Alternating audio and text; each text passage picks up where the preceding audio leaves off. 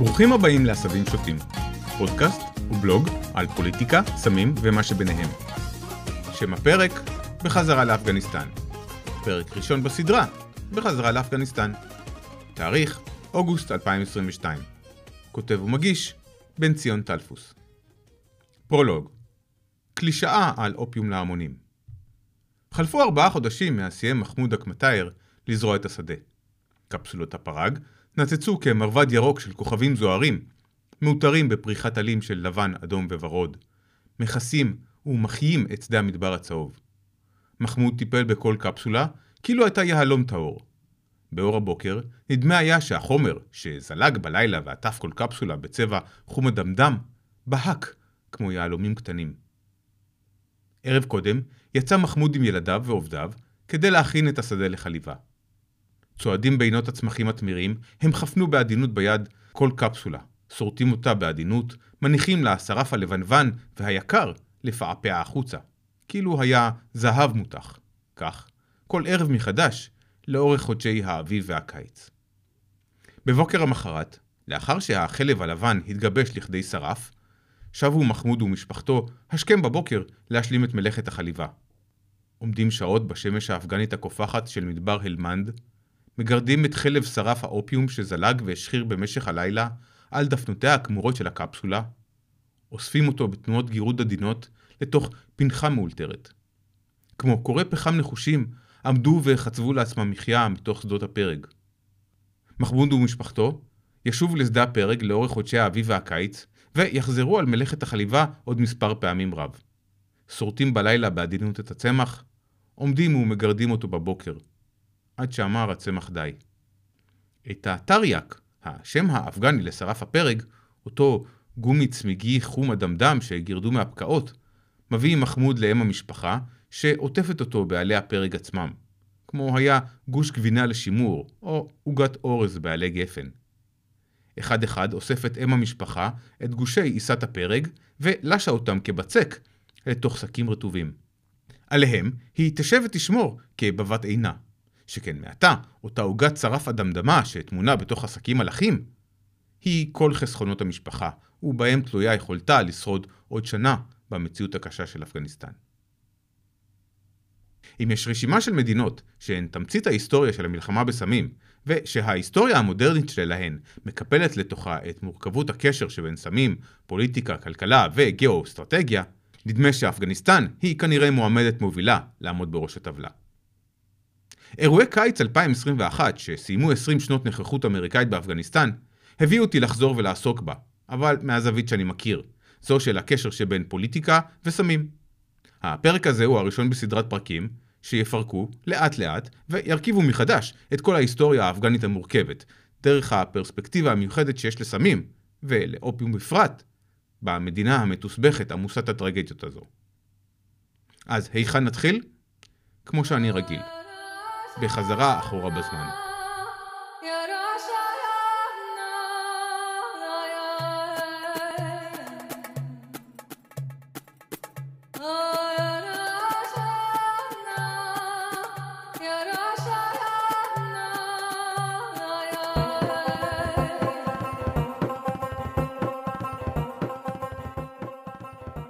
אופיום והמשחק הגדול אני לא יודע כמה זה יפתיע אתכם, אבל בתחילה אפגניסטן ממש לא הייתה הסם האופיום של העולם.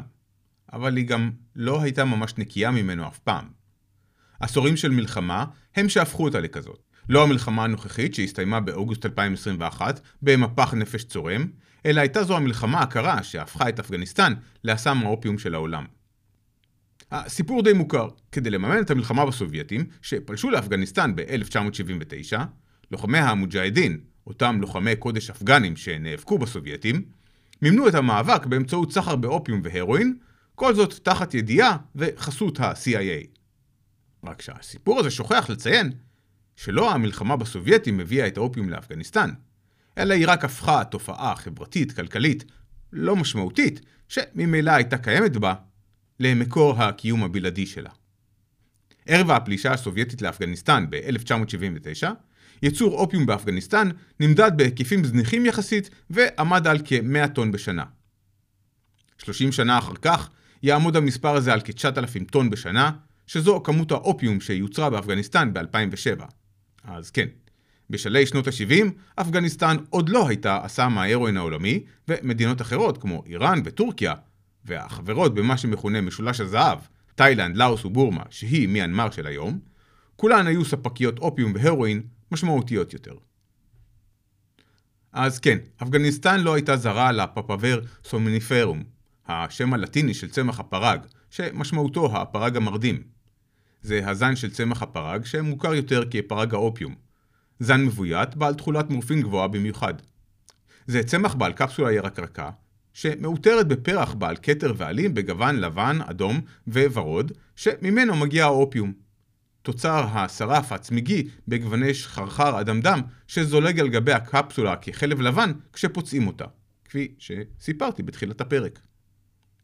הצמח הזה והיבול המרדים שלו לא היו זרים כאמור לאפגניסטן, כפי שלא היו זרים לכלל עמי סהר הזהב, ה Golden Crescent, הכינוי של אותו אזור הררי שנמתח כקשת מפקיסטן ועד איראן לאורך מרכז אסיה. לפי ג'יימס טיירן ברדפורד, היסטוריון מאוניברסיטת ברקלי, גידול פרג האופיום ותעשיית האופיום נטועים עמוק בהיסטוריה האפגנית והיו חלק מתהליך עיצובה המודרני במאות ה-19 וה-20. לטענתו, הנרטיב לפיו המאבק של המוג'הדין בסובייטים בשנות ה-80, ובהמשך, הפיכתה למדינת חסות לטרור תחת הטליבן, הנרטיב לפיו זה מה שהביא את האופיום לאפגניסטן, הוא מוטעה. ברדפורד טוען ומוכיח כיצד כמו כל מדינות האזור, גם לאפגניסטן מסורת ארוכה, חוקית ולגיטימית של ייצור וצריכת אופיום. היסטוריה שלרוב נוטים להתעלם ממנה. ברדפורד, בספרו פרק פוליטיקה וכוח, מתאר כיצד האמירים, השליטים המקומיים של אפגניסטן, בשלהי המאה ה-19 ובראשית המאה ה-20, עבדו רחמן כאן ואימנהולה כאן, ואני מתנצל מראש על כל שימוש שמות שיעשה מעתה ואילך. ובכן, ברדפורד מתאר כיצד אותם שליטים עודדו את החקלאים המקומיים באפגניסטן לגדל את פרג האופיום, וגם קנאביס יש לומר, ועודדו אותם לייצר מהם אופיום וחשיש כדי לחזק את הסחר של אפגניסטן עם השווקים בדרום מזרח אסיה. גם כשמדינות במערב החלו מגבילות את הסחר באופיום בראשית המאה ה-20, המשיכו שליטי אפגניסטן לעודד את תעשיית האופיום המקומית, ובכלל זה נתנו חסות להברחת אופיום. הגישה הזו של עידוד סחר האופיום הייתה חלק מההתרסה הפוליטית של אותם שליטים כלפי השלטון הבריטי, ששלט אז בהודו, ועד לשלהי מלחמת העולם הראשונה, שלט גם באפגניסטן. בריטניה, שהשתלטה על אפגניסטן באמצע המאה ה-19, לאחר שתי מלחמות קשות שנודעו כמלחמות האנגלו-אפגניות, עשתה זאת כחלק מהמשחק הגדול. השם המקובל למאבק שבריטניה ניהלה מול האימפריה הרוסית לשליטה במרכז אסיה. ברוב תקופת השלטון הבריטי לא היו מגבלות על ייצור וסחר באופיום באפגניסטן, כי באופן לא מקרי, זו הייתה תקופת פריחה בסחר העולמי באופיום, שכמובן בריטניה שלטה בו. התבוסה של סין לבריטניה במלחמות האופיום, כפו עליה להיפתח למסחר עם המערב, שבו המוצר הבריטי הבולט שבא מהקולוניות היה האופיום. בכל אופן, כשזכתה אפגניסטן להשתחרר מעול השלטון הבריטי ב-1919, לאחר עוד מלחמה עם הבריטים כמובן, נותר סחר האופיום מרכיב חשוב בכלכלה שלה. במחצית הראשונה של המאה ה-20, סחר האופיום באפגניסטן נמשך כסדרו, ורק ב-1934, כשאפגניסטן הצטרפה לחבר הלאומים וחתמה רשמית על אמנות בינלאומיות, היא קיבלה עליה מגבלות על ייצור וסחר באופיום. אבל בפועל, עד 1945, האפגנים המשיכו לייצר ולסחור באופיום באופן חופשי, בכלל זה עם חברות תרופות אירופאיות, שהחשיבו את האופיום האפגני לאיכותי במיוחד בשל תכולת המורפין הגבוהה שבו. האיסור המתועד הראשון על גידול וייצור אופיום באפגניסטן התרחש ב-1945. באותה שנה אסר מוחמד זהיר שאה, מלך אפגניסטן, על סחר באופיום.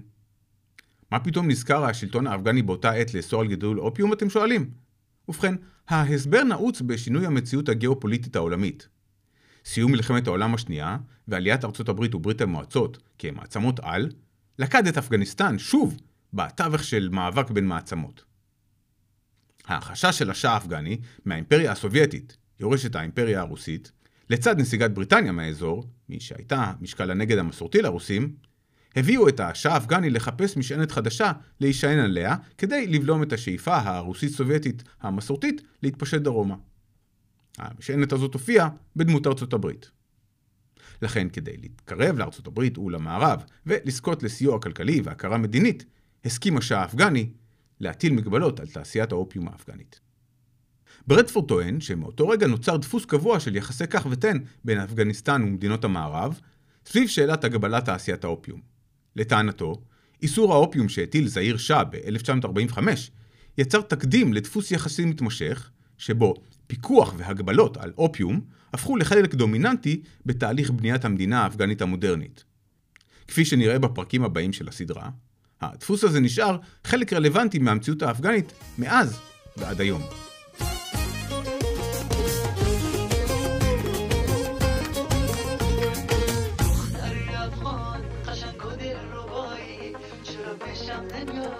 حالا تو به وفایی عاشقت از تو مالا چشمان خماری چرا بشم نمیایی حالا تو به وفایی عاشقت از تو مالا چشمان خماری چرا بشم نمیایی حالا تو به وفایی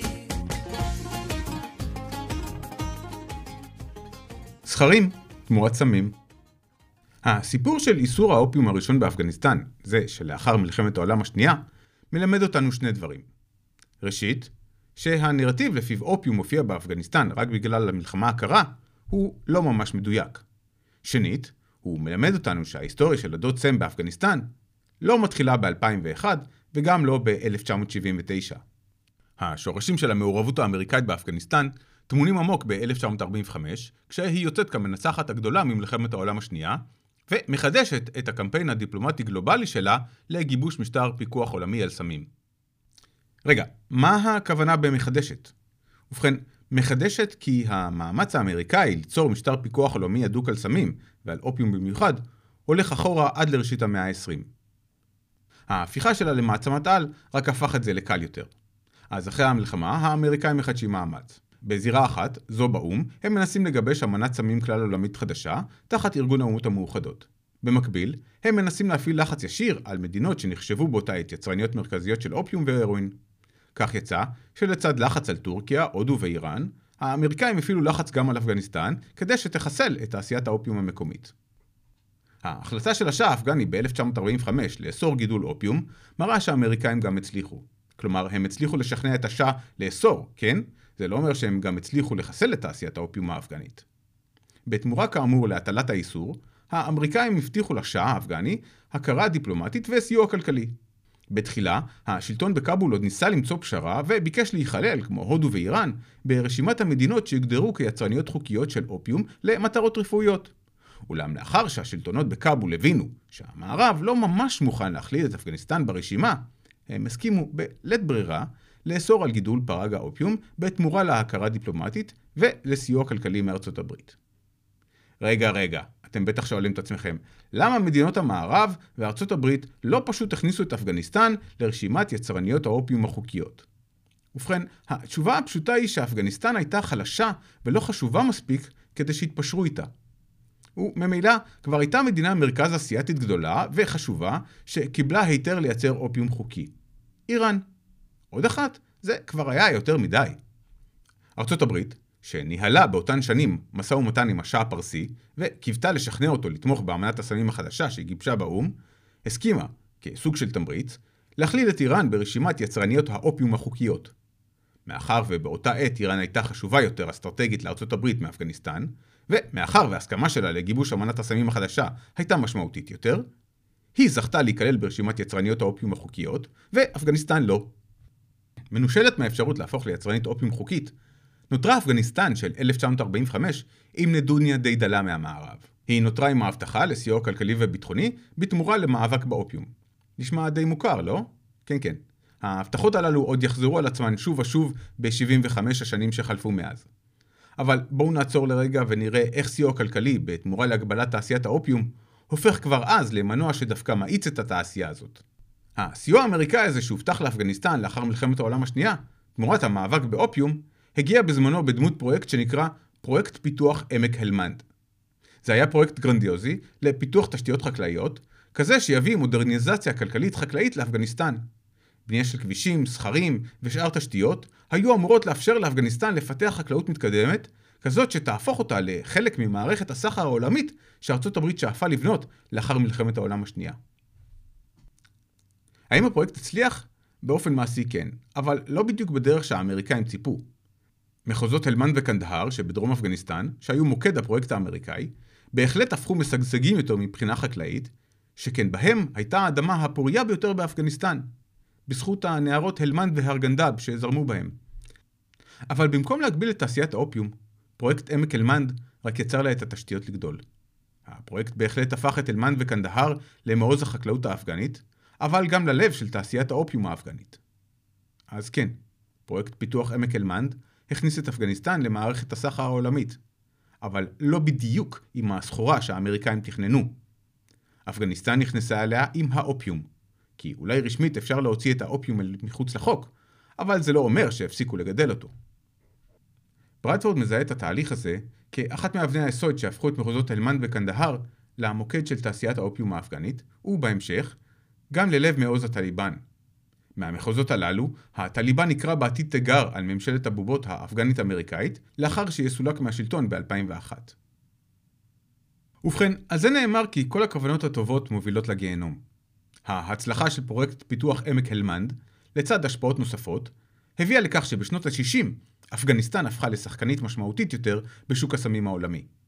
שנות ה-60 ומהפכת התרבות שחגגה את תרבות הסמים, הפכו את האופיום והצ'ארס, השם בדארי לחשיש אפגני, למוצרים מבוקשים ונפוצים במערב.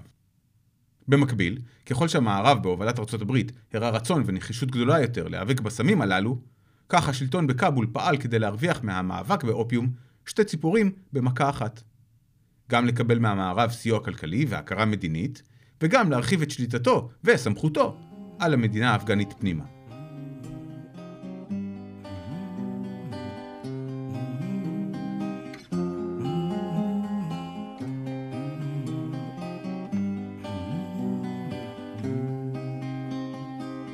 Мы на войне, как на войне, патроны водка, махорка в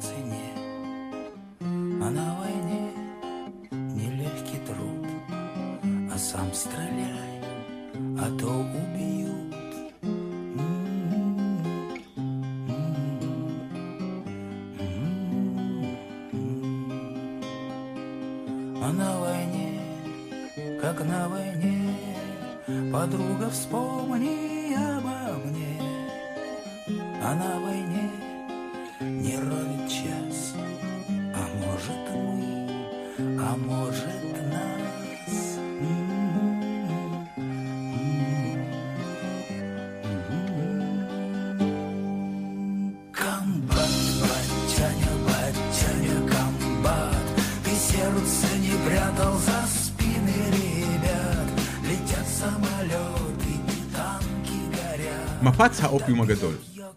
טרגדיה בלתי מכוונת.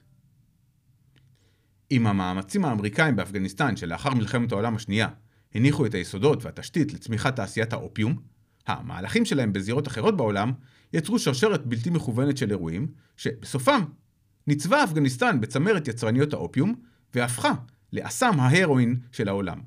אני מזכיר לרגע, עד לשלש שנות ה-70 אפגניסטן הייתה זניחה מבחינה גיאו-אסטרטגית עבור ארצות הברית, וגם שולית יחסית בתרומה שלה לשוק ההרואין העולמי.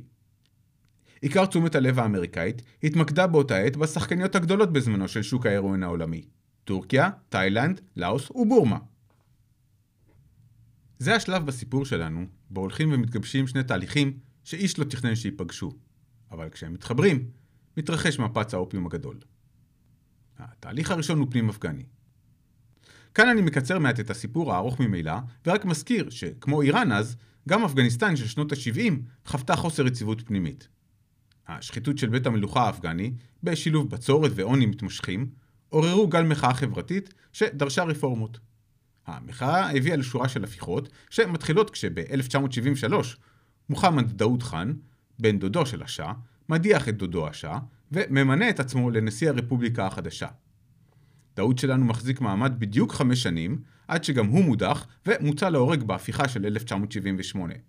הפיכה שבה המפלגה העממית הדמוקרטית של אפגניסטן, שם ארוך ודי מתיש למפלגה הקומוניסטית, תופסת את השלטון והופכת את אפגניסטן, לפחות רשמית, ממדינה דתית מסורתית למדינה מרקסיסטית-לניניסטית.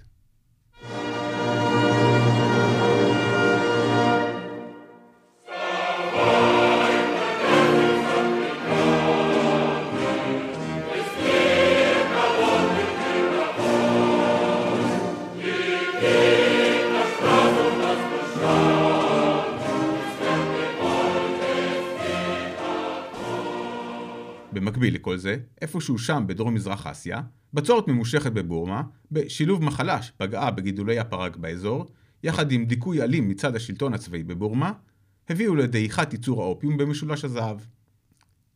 ואם זה לא היה מספיק, הלחץ האמריקאי מביא את טורקיה ותאילנד לצמצם דרסטית את תעשיית האופיום שפועלת בשטחן. התוצאה של כל אלו היא שלאורך שנות ה-70, מיינמר, תאילנד וטורקיה, יצרניות האופיום הגדולות עד אז, מתחילות לרדת מהבחורה העולמית. התהליך הזה מוביל למה שמוכר כאפקט הבלון. כלומר, מצב שבו לחץ במקום אחד על תעשיית הסמים לא מקטין את הגודל שלה, אלא רק מסיט את גורמי הייצור למקום אחר. בשלהי שנות ה-70, המקום האחר הזה הוא אפגניסטן. עכשיו, כשהתהליכים הללו, הפנימי והבינלאומי נפגשים, אפגניסטן מוכנה לקבל את המקום הטרגי שההיסטוריה סידרה לה גם בתעשיית הסמים העולמית. ב-1979, המפלגה הקומוניסטית האפגנית עושה את הפשע הגדול מכל. היא חותמת עם ברית המועצות על הסכם ומזמינה אותה לסייע לה צבאית. עכשיו, הזרקור הגיאו-אסטרטגי של ארצות הברית כבר בוהק בעוז מעל אפגניסטן. מכאן הסיפור די מוכר. ברית המועצות פולשת לאפגניסטן, וזו נהפכת לעוד זירה של התגוששות בין ארצות הברית וברית המועצות. מצד אחד, ממשלת הבועות האפגנית, שנתמכת על ידי ברית המועצות. מהצד השני, לוחמי המוג'הדין, שנתמכים על ידי ארצות הברית. את עיקר התמיכה האמריקאית במוג'הדין מבצע עבור הממשל האמריקאי ה-CIA, סוכנות הביון המרכזית, שנעזרת בבני ברית אזוריים. בראשם, השירות החשאי הפקיסטני המושחת. אבל לתמיכה הזו יש מחיר, והמחיר הוא ההתעלמות מתעשיית הסמים שהולכת וצומחת באפגניסטן במהירות, שעה שהמדינה הולכת ונקרעת לגזרים תחת המלחמה בסובייטים. ארצות הברית נכנסת מעתה למיטה אחת עם מנהיגי מוג'הדין, כמו גולבודין הקמטייר, שהוא במקרה גם אחד מגדולי סוחרי הסמים במרכז אסיה באותה עת, ואדם שנודע גם, בין היתר, בזכות התחביב האכזרי שלו, לשפוך חומצה בפנים של נשים שסירבו לעטות בורקה. כך, לאורך שנות ה-80, ככל שאפגניסטן הלכה ונקרעה תחת המלחמה שזרעה הרס ורעב בכל מקום, פנו החקלאים האפגנים לשרוד באמצעות גידול של צמח, שהיה ידוע כקל לגידול, עמיד יחסית לבצורת, ושאת התוצרת שלו קל לשנע. אה, כן, צמח שהיה מעל הכל, התנובה שלו היא גם מאוד רווחית. אני מדבר כמובן, כפי שניחשתם, על פרג האופיום. בתנאים שיצרה המלחמה נוצרה סימביוזה אידיאלית שהפכה מאז לטבעית באפגניסטן. נוצרה סימביוזה בין האזורים בהם שלטו המוג'הדין, ובין השטחים בהם התרחבה תעשיית האופיום. שכן אין מקום אידיאלי יותר לגדל בו בנחת את פרג האופיום מאשר איפה שלוחמי המוג'הדין שולטים ומעניקים חסות. האם תתפלאו לגלות שהמקומות בהם הסימביוזה הזו הייתה חזקה במיוחד היו המחוזות הלמנד וקנדהר? ובכן, זה לא מפתיע בכלל. הסימביוזה הזו יצרה דפוס מוכר שיחזור על עצמו גם בעתיד. שיירות נשק ששלח ה-CIA לתוך אזורי המורדים באפגניסטן לא חזרו ריקות. הן חזרו עמוסות אופיום והרואין שהופץ לכל העולם דרך פקיסטן, כמובן בחסות והסכמת שירות הביטחון הפקיסטני. וממשל רייגן, הוא ידע ושתק, בשם צורכי המאבק בברית המועצות כמובן. מרגע זה, גידול פרג האופיום והתוצרים שלו, אופיום, מורפין והרואין, הפך לקטר הכלכלי של אפגניסטן ולבסיס הקיום של חלק עצום מהאוכלוסייה. ב-1980, אפגניסטן כבר סיפקה את רוב צריכת ההרואין באירופה. עם זאת, אולי תתפלאו לשמוע שעד סוף שנות ה-80, אפגניסטן עדיין לא כבשה את הבכורה של שוק ההרואין העולמי. זה יקרה רק לאחר סיום הכיבוש הסובייטי ב-1989 וסיום המלחמה הקרה.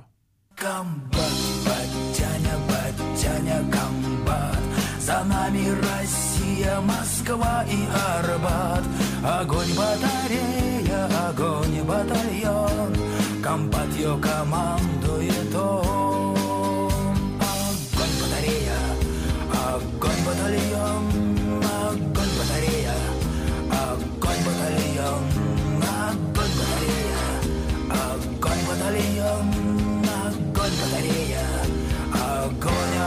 огонь, огонь и я. А на войне, как на войне, солдаты видят.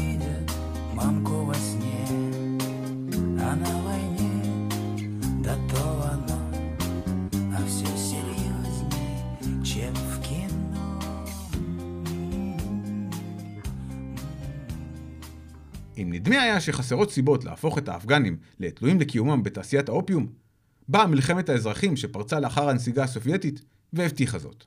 במחצית הראשונה של שנות ה-90 לחמו קבוצות המוג'הדין השונות זו בזו על הזכות לשלוט במדינה החריבה.